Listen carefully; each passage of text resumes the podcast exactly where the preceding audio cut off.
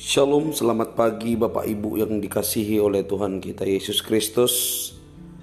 Di pagi hari ini saya mengajak kita kembali untuk mengambil kesempatan untuk merenungkan kebenaran firman Tuhan. Sebelum kita melaksanakan aktivitas kita, mari kita buka Alkitab kita masing-masing dari Filipi 4 ayat 11 sampai 13. Filipi 4 ayat 11 sampai 13 firman Tuhan berbunyi demikian. Kukatakan ini bukanlah karena kekurangan, sebab aku telah belajar mencukupkan diri dalam segala keadaan.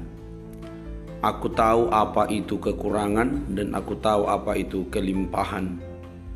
Dalam segala hal dan dalam segala perkara, tidak ada sesuatu yang merupakan rahasia bagiku, baik dalam hal kenyang maupun dalam hal kelaparan baik dalam hal kelimpahan maupun dalam hal kekurangan. Segala perkara dapat kutanggung di dalam Dia, Yesus, yang memberi kekuatan kepadaku. Saudaraku yang dikasih oleh Tuhan, Paulus dengan dewasa memberikan tanggapan bahwa kehidupannya itu sudah sangat benar Ketika dia memiliki segala sesuatu, dia tahu mana itu kekurangan dan mana itu uh, kelimpahan. Dia sudah belajar untuk mencukupkan diri.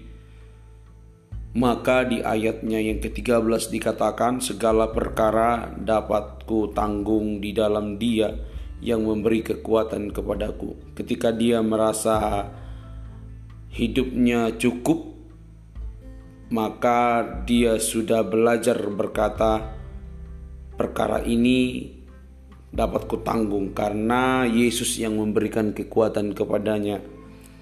Nah, saudaraku yang dikasih oleh Tuhan, hal ini membawa kita kepada sebuah perenungan pagi ini. Fokus kita kepada siapa? Fokus kepada Allah atau fokus kepada yang lain? Setiap orang pasti memiliki sesuatu yang ia anggap paling penting dalam kehidupannya. Entah orang itu menyadari atau menyangkalinya. Ada beragam cara untuk menilai atau mendeteksi apa yang paling penting dalam kehidupan seseorang. Dan cara yang paling umum adalah melalui fokus dan sudut pandang atau cara pandang. Apa yang dilihat secara terus-menerus merupakan fokus menyeratkan hal itu paling penting. Bagaimana seseorang melihat juga sama pentingnya untuk mendeteksi apa yang terpenting dalam kehidupan tersebut. Sebagai contoh, orang yang mata duitan pasti akan menilai segala sesuatu berdasarkan harga dan perhitungan untung rugi. Demikian pula dengan orang yang menjadikan Allah sebagai yang terpenting dalam kehidupannya dia akan menggunakan lensa ilahi dalam menilai segala sesuatu. Matanya akan selalu berfokus kepada Allah. Orang yang meletakkan Allah di pusat kehidupannya pasti tidak akan kehabisan alasan untuk memuji Dia. Segala sesuatu adalah kasih karunia. Kasih karunia ada di mana-mana. Bapak Ibu yang dikasih oleh Tuhan, itulah yang terjadi kepada Rasul Paulus. Dalam situasi apa pun dia mampu melihat Allah bekerja. Bukan hanya bekerja, Allah juga menjadi pusat yang menggerakkan semuanya. Pandangan Paulus bersifat berpusat kepada Allah, termasuk pada saat dia mengucapkan terima kasih atas bantuan materi yang dikirimkan oleh jemaat Filipi kepadanya melalui Epaphroditus. Paulus berduka, bersuka cita di dalam Tuhan atas perhatian jemaat Filipi. Bisa dibaca Filipi 4 ayat 10. Dia belajar untuk mencukupkan diri dalam segala hal dengan kekuatan Kristus. Ayat yang barusan kita baca Filipi 4 ayat 11 sampai 13. Bukan mengeksploitasi kemiskinannya atau memanipulasi kebaikan hati jemaat Korintus. Jadi Paulus itu sudah sangat belajar mencukupkan diri dalam segala hal. Itu karena kekuatan dari Kristus. Dia lebih berfokus pada buah rohani yang dihasilkan dari persembahan itu. Dia juga melihat pemberian tersebut dalam kaitannya dengan Allah dan kemuliaannya.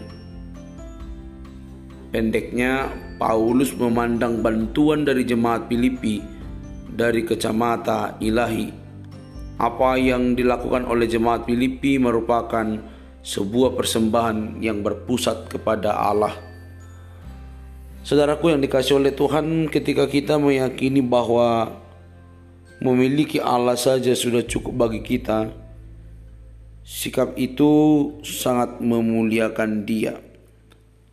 Mari saya mengajak kita untuk berpikir kembali fokus kita apa, kepada siapa, kepada Allah, maka kita akan melihat segala sesuatu dengan cara pandang yang daripada Allah atau cara pandang rohani. Tetapi kalau kita berfokus kepada hal-hal dunia ini, maka cara pandang kita pun, cara berpikir kita pun, fokus kita pun akan seperti dunia ini. Mari saya mengajak kita untuk merenungkannya secara pribadi. Semoga kita diberkati, Tuhan Yesus memberkati kita semua. Shalom.